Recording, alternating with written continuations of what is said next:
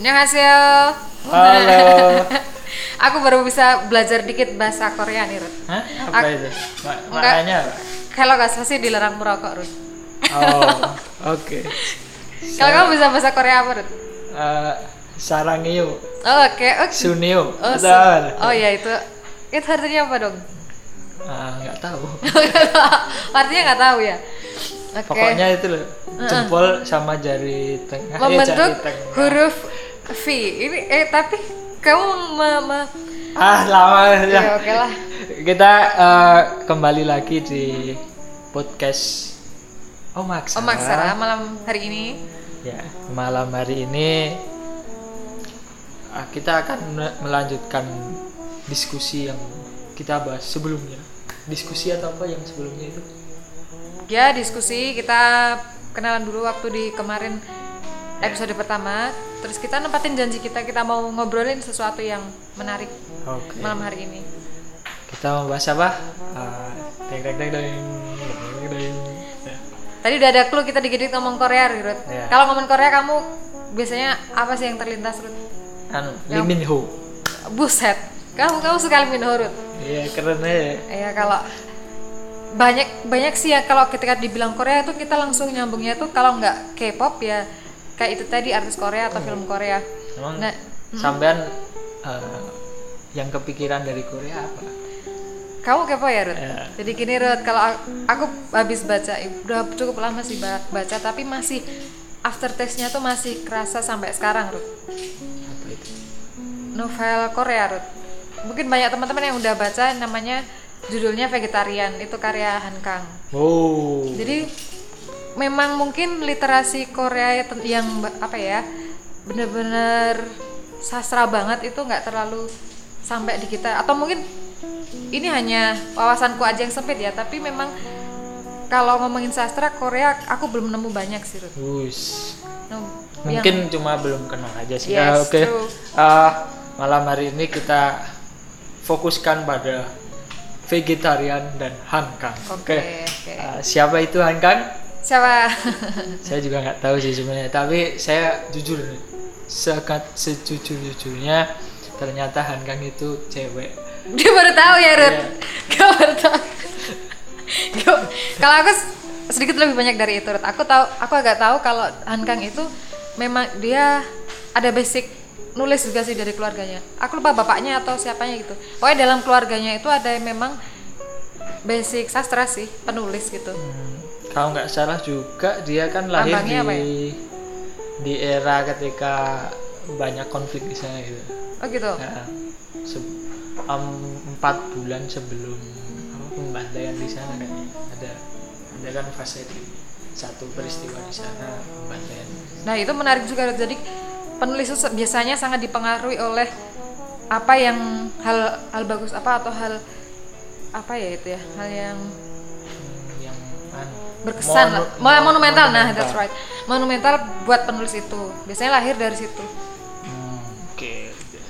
bikin tambah menarik sih itu sebenarnya Eh, ngomong soal hangkang dan vegetarian ini kan eh, salah satu buku yang masuk dalam men apa men book prize ya atau? Kok men? Broker broker up Iya, iya. broker apa ya? Iya. Iya, ya ah. itulah pokoknya dapat penghargaan yang eh, kayak si siapa Eka Kurniawan itu ya Iya, yang oh. juga masuk nominasi ya.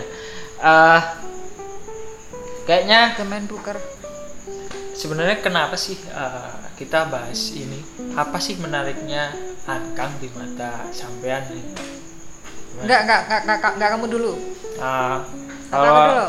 Boleh mau sampean dulu aja Ladies lah. first ya. Nah, ladies first kalau Hankang itu yang tadi seperti aku sempat singgung aftertaste-nya itu kan kerasa banget ya terutama ini loh dia kuat banget di penokohan Ruth kan novel itu atau cerita sastra itu mempunyai biasanya punya kekuatan sendiri-sendiri gitu Hmm, ada yang kalau cerita detektif misalnya atau cerita tentang action gitu hmm, dia kuat di plot biasanya di Hankang ini dia seperti Murakami juga. Atau Kafka gitu misal yang itu dia tuh kuat banget di penokohan gitu kamu baca cerita itu kamu kamu dengan mudah bisa membayangkan kedalaman karakter yang diceritakan tokoh utamanya namanya Yong Hee Yong Hee, ha, Yong Hee. Nah itu kuat banget dia. Di, terus kayak kontrasnya dengan suaminya yang eh gimana ya? Itu kelihatan gitu. Oh iya Aku menggambarkannya gimana? ya? Kamu bisa bantu nggak? Kadang aku punya mau ngomong apa tapi nggak ini sih. Ah, apa kayak kayak aku yang mungkin suaminya ya pendiam diam nah gitu. ya, heeh. itu bisa j- jadi TikTok gitu loh. Nah, Jadi perbedaan itu saling menguatkan gitu. oh iya Hmm, ketika terjadi kontras, perbedaan satu dan yang lainnya itu jadi semakin ketara gitu loh. Oh maksudnya dalam penokohan itu ya harus ada kayak oposisi biner gitu ya Yes. Ya. Mm-mm. Oh iya, itu suami kemudian ada lagi di yang kalau nggak salah ada si itu kakak iparnya, kemudian yang Bapaknya, bapaknya Konflik. konflik dengan keluarganya, kemudian yang ah, yang terakhir itu sama kakaknya kan, kakak. Kakak ipar. kakak kandungnya. Kan uh, seingat saya kan ada tiga segmen yang yang pertama dia itu konflik dengan suami dan keluarganya di itu awal. kemudian uh, persinggungannya dengan kakak iparnya kemudian uh, dengan si akhirnya kan dia masuk rumah sakit. Kemudian yang banyak di situ kan si dia dan kakaknya kakak perempuannya. Nah, di situ apakah uh, apakah juga sama karakter karakteristiknya ketika ada Yong Hee pasti ada Yong Hee kan ya. Mm-mm. Kemudian yang kar- karakter uh, tokoh yang lain apakah karakternya juga sama gimana? Maksudnya karakter sama di- Kan tadi sampean bilang uh, ada si siapa si suami karakternya bukan maksud si kamu. suaminya kan Mm-mm. sangat beda nih dengan si Yong Hee. Nah, Mm-mm. apakah juga eh, si misalnya si kakak kandungnya tadi dengan si Yong Hee ini apakah sangat bertolak belakang atau gimana? Kalau bertolak belakang sih enggak, tapi penulis bisa memancing konflik, eh, membuat kon- menciptakan konflik itu dari perbedaan-perbedaan itu loh, nggak nggak harus bertentangan sebenarnya, tapi hanya dengan sebuah ekspresi yang yang mungkin malah tanpa ekspresi itu itu bikin kesal lainnya itu loh. Hmm, iya, oh, paham. Jadi yang bapaknya yang sebenarnya dia tegas ya bukan pemarah atau mungkin suaminya yang tenang gitu. Dia bisa terpancing emosi hanya hanya karena Yonghe itu minimal sekali dia me- mengeluarkan emosi menunjukkan emosinya. Itu kan pertama-tama kalau nggak salah ditanyakan sama suaminya di awal-awal cerita itu kamu kenapa? gitu. Terus Yonghe itu cuman jawab aku tuh ngimpi gitu. Ta- tapi jawabnya tuh ngeselin gitu loh jadi hanya dengan cuman jawab aku ngimpi gitu. Tapi dengan cara ngomong yang kayak ngeblank orang ngeblank terus nggak ada emosi gitu kadang untuk tipe orang suaminya Yonghae itu jadi mengeselin gitu. Oh iya, apa? juga tersirat tersirat di situ bahwa yang ideal itu malah justru kakaknya. Jadi kayak muncul muncul apa ya? Idealisme idealisme tokoh lain. Hmm? itu konflik ternyata juga muncul dari situ. Kayak Oh, gitu. iya. mereka kayak punya idealisme idealisme sendiri gitu loh dalam dalam ininya dalam versi mereka. Idealismenya Yonghae seperti ini oh. terus idealismenya suaminya tuh yang ideal tuh seperti ini. So, istri yang ideal tuh malah justru kakaknya Yonghae misalnya. Oh, yang iya, dia lebih lebih menarik lah menurut dia. Terus menurut bapaknya Yonghae juga kan andai or- orang ideal tuh yang bisa seperti membaur seperti orang lain gitu. Nggak yang vegetarian sendiri yang lain makan gitu. Jadi mereka kayak pu- punya itu like itu tadi idealisme yang dalam Yonghae itu tidak ada semuanya itu loh dan konflik muncul dari situ. Maksudnya tidak tidak semuanya? Dalam Yong Hee tidak semuanya gitu. Seperti apa sih? Kalau dari suaminya kan dia mengidolakan istri yang seperti kakaknya. Istri dia yang kan dari di awal dia juga udah bilang bahwa ayo itu biasa-biasa aja gitu-gitu. Ya.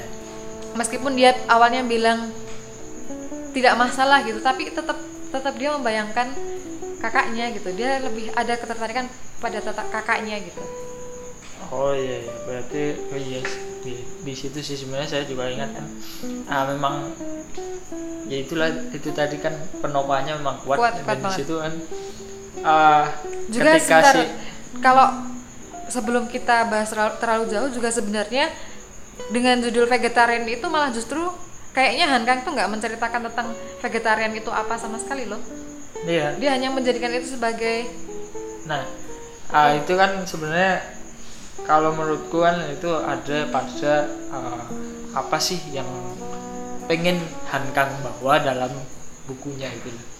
Kan pasti kan namanya buku dia pasti punya ah, apa sih yang mau dibawa dari buku itu selain ah, tentunya style dan ah, teknik penceritaan yang lainnya. Nah, di situ menurutku ah, dia itu punya sisi uh, dia pengen mengungkapkan sisi humanisme manusia gitu loh. Ada uh, bahkan mungkin kritik kan, kritikan bahwa uh, kalian tuh terlalu kejam terhadap uh, apa makhluk lainnya kan gitu kan. kan dari judul sudah kelihatan vegetarian. Kemudian uh, kalau saya lihat kenapa alasan kenapa dia jadi vegetarian? Dia pengen uh, bahkan di akhir itu dia berdiri kayak merasa saya pengen jadi pohon.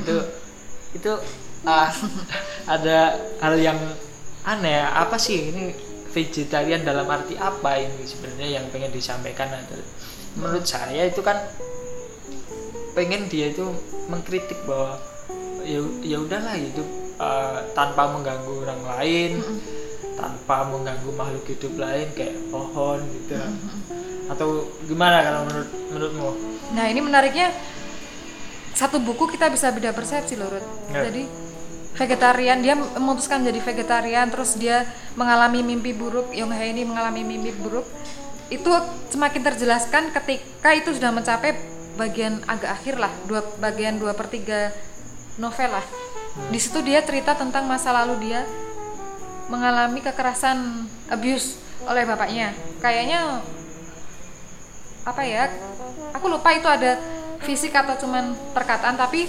ketika itu dia kabur sama kakaknya ke sebuah tempat yang membuat dia aman. Nah di tempat itu ada ada ada lokasinya ada situasinya ada pohon-pohon. Nah ketika ada apa itu unsur itu pohon kenyamanan bersama kakaknya misalnya itu menjadi sebuah simbol ketika dia dewasa dia ingin menjadi pohon itu loh Ruth. karena simbol bagi, eh, pohon bagi dia adalah simbol ke keamanan itu tadi. Jadi itu adalah efek dari ma- luka masa lalu dia ketika dia masih dengan bapaknya masih keluarganya kayak gitu. Aku baca itu soalnya. Jadi kenapa ada adegan dia mengalami kekerasan waktu kecil itu? Hubungannya apa dengan penyakit dia ingin jadi vegetarian dia ingin jadi pohon itu kaitannya di situ aku mengaitkannya sih. Aku nyambungnya dan aku nggak tahu kok kenapa yang nangkap ini cuman aku gitu. Aku belum nangkap aku belum baca tulisan tulisan yang lain tentang ini hubungan masa lalu masa lalu dia itu dengan penyakit dia saat dewasa itu jadi pohon itu. Oh, mungkin kan ya apa terlalu jauh kan? Terlalu jauh ya. Dia udah tua Mm-mm. baru dia ngomong sama saya aku tadi mimpi. Mm-mm. kan terus masa jauh banget kan misal sama masa lalu memorinya masa kecilnya jadi tapi dalam cerita tentu memang sangat mungkin lah dan itu dia kayaknya itu kecerdasan dia juga sih. Dia bisa membuat ruang untuk pembaca agar pembaca menyimpulkan sendiri gitu. Ya, dan, nggak ada kerasa di guru itu nggak ada itu bagiku sebuah hadiah tersendiri sebagai pembaca gitu Iya, iya. Memang kan eh, fiksi itu adanya biar eh, orang yang menerima, orang yang membaca itu eh, imajinasinya tidak mati. yes that's right Eh, kemudian eh, apa lagi ya tentang Hankang? Kan Hankang sudah berapa buku yang sampean baca aku baru baca satu yang Sama ini. ya. Berarti kita nggak bisa eh, pakai padanan buku yang lain ya. Boleh, kita masih pakai vegetarian itu sendiri tapi eh, saya kira itu memang menarik yang namanya vegetarian. Uh, dari istilahnya saja kenapa dia pakai judul pakai vegetarian? Kemudian uh, kenapa tokohnya itu seperti itu? Kenapa kemudian ada satu yang saya itu sebenarnya agak heran ketika uh, si kakak iparnya itu ada kecenderungan uh, seksual yang aneh terus bertemu dengan si Yong Hee ini kenapa muncul karakter seperti itu Ya itu harusnya kita tanya sama eh, penulisnya lah Ruth. Ya kan. Aku kan, WhatsApp dulu gimana? Ah, sebenarnya kan bingung gitu. Kenapa ini ada ini? Tapi juga menarik ya. Han Kang memainkan di situ menarik banget. Iya ya, bunga itu juga ada kaitannya dengan tanaman kan di situ. Nah. Jadi mungkin dia mengeksplor tanaman dalam berbagai aspek gitu loh. Dari mungkin dari keindahannya mungkin juga dari bagaimana tanaman itu tumbuh. Hingga yang terakhir sebelum dia mati dia kan bagaimana dia menjadi secara total menjadi tanaman dengan berdiri terbalik. Kalau nggak salah itu di, di hutan. Aku lupa itu. Akhirnya. Uh, sebelum dia mati kalau di filmnya kebetulan kan ada filmnya. Oh ya nah, itu dia berdiri nggak nggak terbalik. Nggak terbalik nah, ya? dia tetap berdiri aja. Yang terbalik itu kayaknya kamu udah nonton filmnya? Malah kan sudah kemarin. Uh, ya itu. Yang yang kebalik itu ketika dia di direkam atau difoto itu sama kakak iparnya oh, kan dia dilukis yeah. dulu. Jadi di situ okay. juga penggambaran suatu apa peristiwa yang menarik. Dari teknik menceritaannya menarik banget. Ya ngomongin tentang ya katakan itu agak berbau berbau uh, dewasa gitu ya. Nah di situ dia ngomonginnya dengan bahasa yang cukup halus cukup subtil. cukup apa ya? Sangat kalau bagi saya sangat puitis gitu. Ya puitis ya aku puitis. Setuju aku. Uh itu oh iya. Ya ternyata ngomongin penuh simbolisme Ruth uh, ngomongin apa? Hal-hal yang dewasa itu biasa bisa dengan cara yang seperti itu. Cara yang uh, ya enak dulu dinikmati dan kita tidak merasa oh ini uh, saru nih ini tabu nih gitu kan. Itu sebagai Iya Ruth, itu menurutku itu juga faktor yang kalau kita perhatikan cerita-cerita besar, tokoh-tokoh besar, orang-orang besar itu mereka pasti pintar dalam membuat sebuah itu tadi apa namanya? Aku tadi bilang uh, kalau bahasa Jawa sanepan. Itu apa bahasa Indonesia nya idiom? Ah, eh, apa? Peribahasa? Peribahasa ya semacam peribahasa gitu. Perumpamaan perumpamaan gitu analogi nah. Aku menangkap orang-orang hebat cerita hebat tuh pasti memuat itu loh dan di di Hankang ini banyak sekali malah justru kaya banget tentang sanepan itu tentang analogi analogi itu. Itu faktor penting sih menurutku. Apakah uh, karena Hankang orang Asia? Orang uh, Timur atau? bisa jadi bisa. Aku aku ya aku yakin ada. Ada faktor itu uh, kemudian kan uh, si Hankang ini cewek nih cewek terus kemudian dia menceritakan cerita dengan gaya seperti itu. Dan saya, saya juga jarang sih sebenarnya baca uh, buku perempuan uh, penulisnya perempuan. Paling cuma siapa? Ayu Utami. Uh, sebenarnya gimana sih uh, kalau perempuan itu menceritakan suatu cerita apakah cerita itu yang uh, sifatnya utama itu adalah tokohnya harus wanita atau gimana? Soalnya uh, saya baru baca punya Ayu Utami sama si Han Kang ini terus dia ada tokoh utamanya itu cewek semua dan uh, karakternya jadi sangat uh, matang. nah apakah kan sampean perempuan ya yeah. apakah ada kecenderungan itu apakah ketika dia membuat karakter laki-laki apakah uh, se se seberkarakter kayak dihankan di pengaruh ya. pengaruh gender nih ya berarti hmm. pengaruh gender penulis terhadap tokoh yang dia bikin gitu. Hmm, sebenarnya gimana hmm. sih sih? Itu kalau menurutku ada tetap ada pengaruhnya, tapi kembali lagi peng, penulis itu kan menulis sesuatu berdasarkan pengalaman pribadi gitu. Hmm. Jadi ketika seorang penulis entah itu perempuan atau laki-laki tapi dia mampu dalam menggali kehidupan atau sekitarnya atau mungkin dia membayangkan temannya dan dia sangat mengenal temannya padahal temannya itu gendernya berbeda dengan dia kemudian dia menuangkan dalam tulisan dan ternyata itu jadi itu juga bisa jadi. Misalnya dan itu contohnya banyak. Kayak Harry Potter itu kan J.K. Rowling dia menceritakan Harry Potter kan. Hmm. itu juga jadi banget. Atau mungkin contoh lain Agatha Christie ya. Itu dia bikin itu Poirot itu loh. Oh, detektif. Belum baca. Itu ngomongnya gimana sih Poirot? Aku aku Baiklah apa? Itu yang detektif itu loh. Oh. detektif kayak Sherlock Holmes gitu dia bikin dia dan itu tokohnya sangat jadi itu. Itu karena mungkin faktor kekayaan si penulis dalam me- mengoleksi informasi tentang kepribadian orang-orang yang dia amati itu. Dia berhasil mengamati itu. Kemudian dia tuangkan dalam karya-karyanya. Jadi itu faktor penulisnya. Keberhasilan dia mengamati lingkungannya sekitar dia. Dan memahaminya ya. Memang butuh pendalaman sih Ruth Iya sih soalnya emang aku cuma penasaran aja kenapa aku tanya gitu. Soalnya emang gimana ya, ya penokohannya itu saya Jadi banget ya. gitu loh.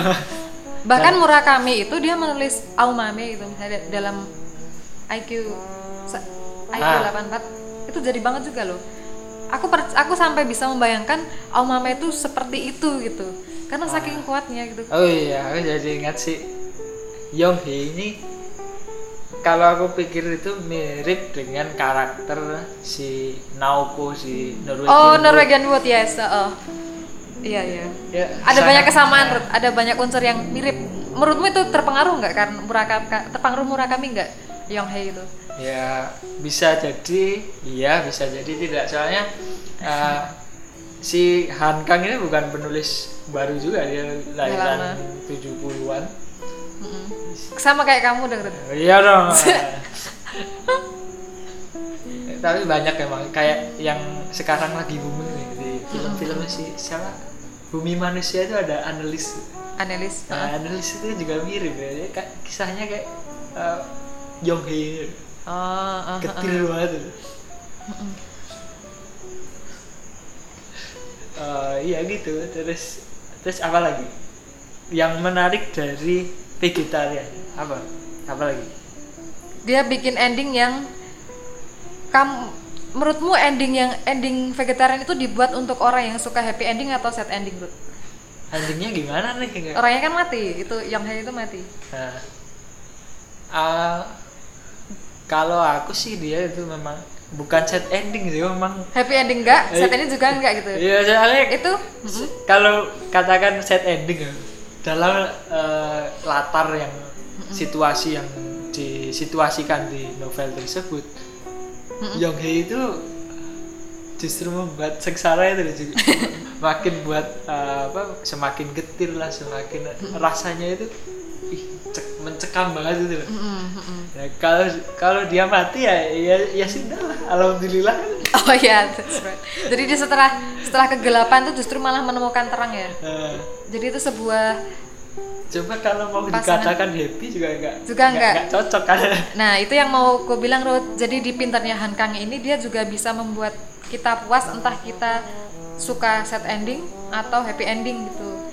Jadi dia bisa memuaskan kedua selera pembaca ini. Kan macam-macam ya, ada yang suka sad ending, ada happy ending.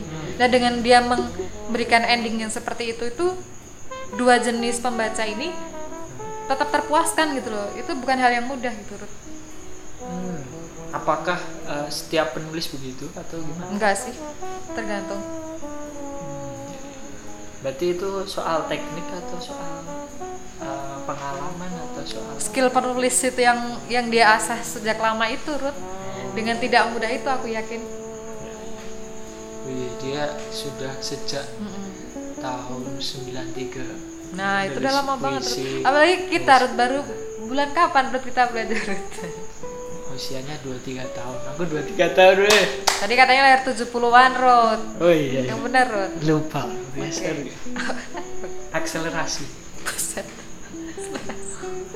Ah.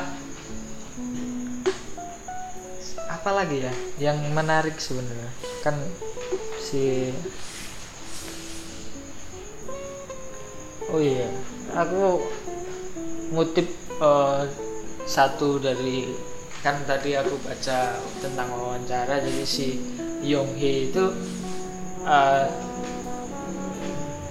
eh, menggambarkan karakter manusia itu kalau kan dia itu pengen kayak pengen jadi protagonis gitu pengen jadi protagonis Hmm. tapi tapi ngeselin tapi malah dia mengenyahkan kemanusiaannya sendiri tuh. yes kan itu aneh kayak kayak misal mirip-mirip Kafka ya berarti ya nah, iya ya gimana sih ya?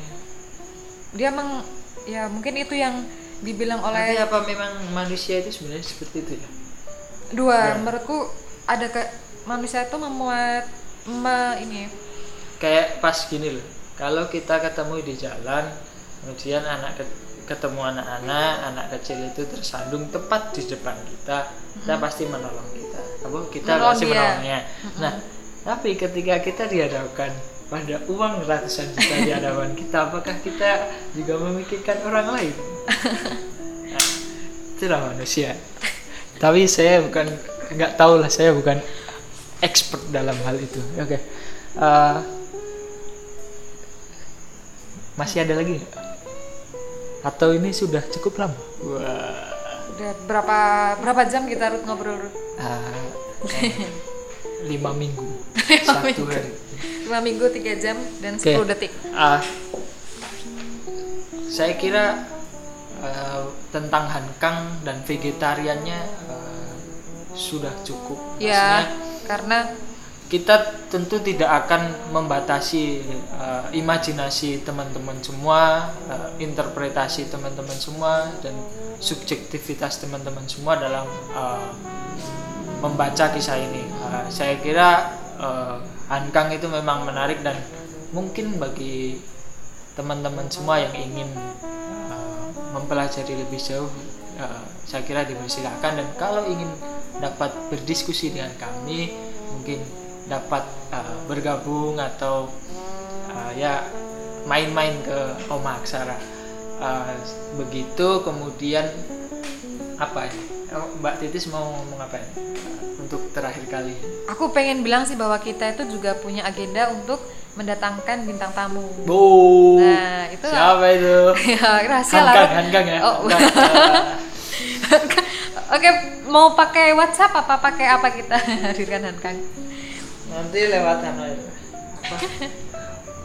lihat telepati Ruth Anu. Itu loh, Rogo Sukmo. Buset. Oh ya kamu kan pakar ya Ruth ya. Aku Iya. oh ya ini rahasia Rudi ini pakar itu Rudi. Eh, eh, gimana? Sekian atau gimana? Atau Ya, kita boleh. eh, Itu buat rahasia besok depan lah, besok minggu depan. Ruth. Oh iya, besok apa tentang apa? Tapi nggak penting sih.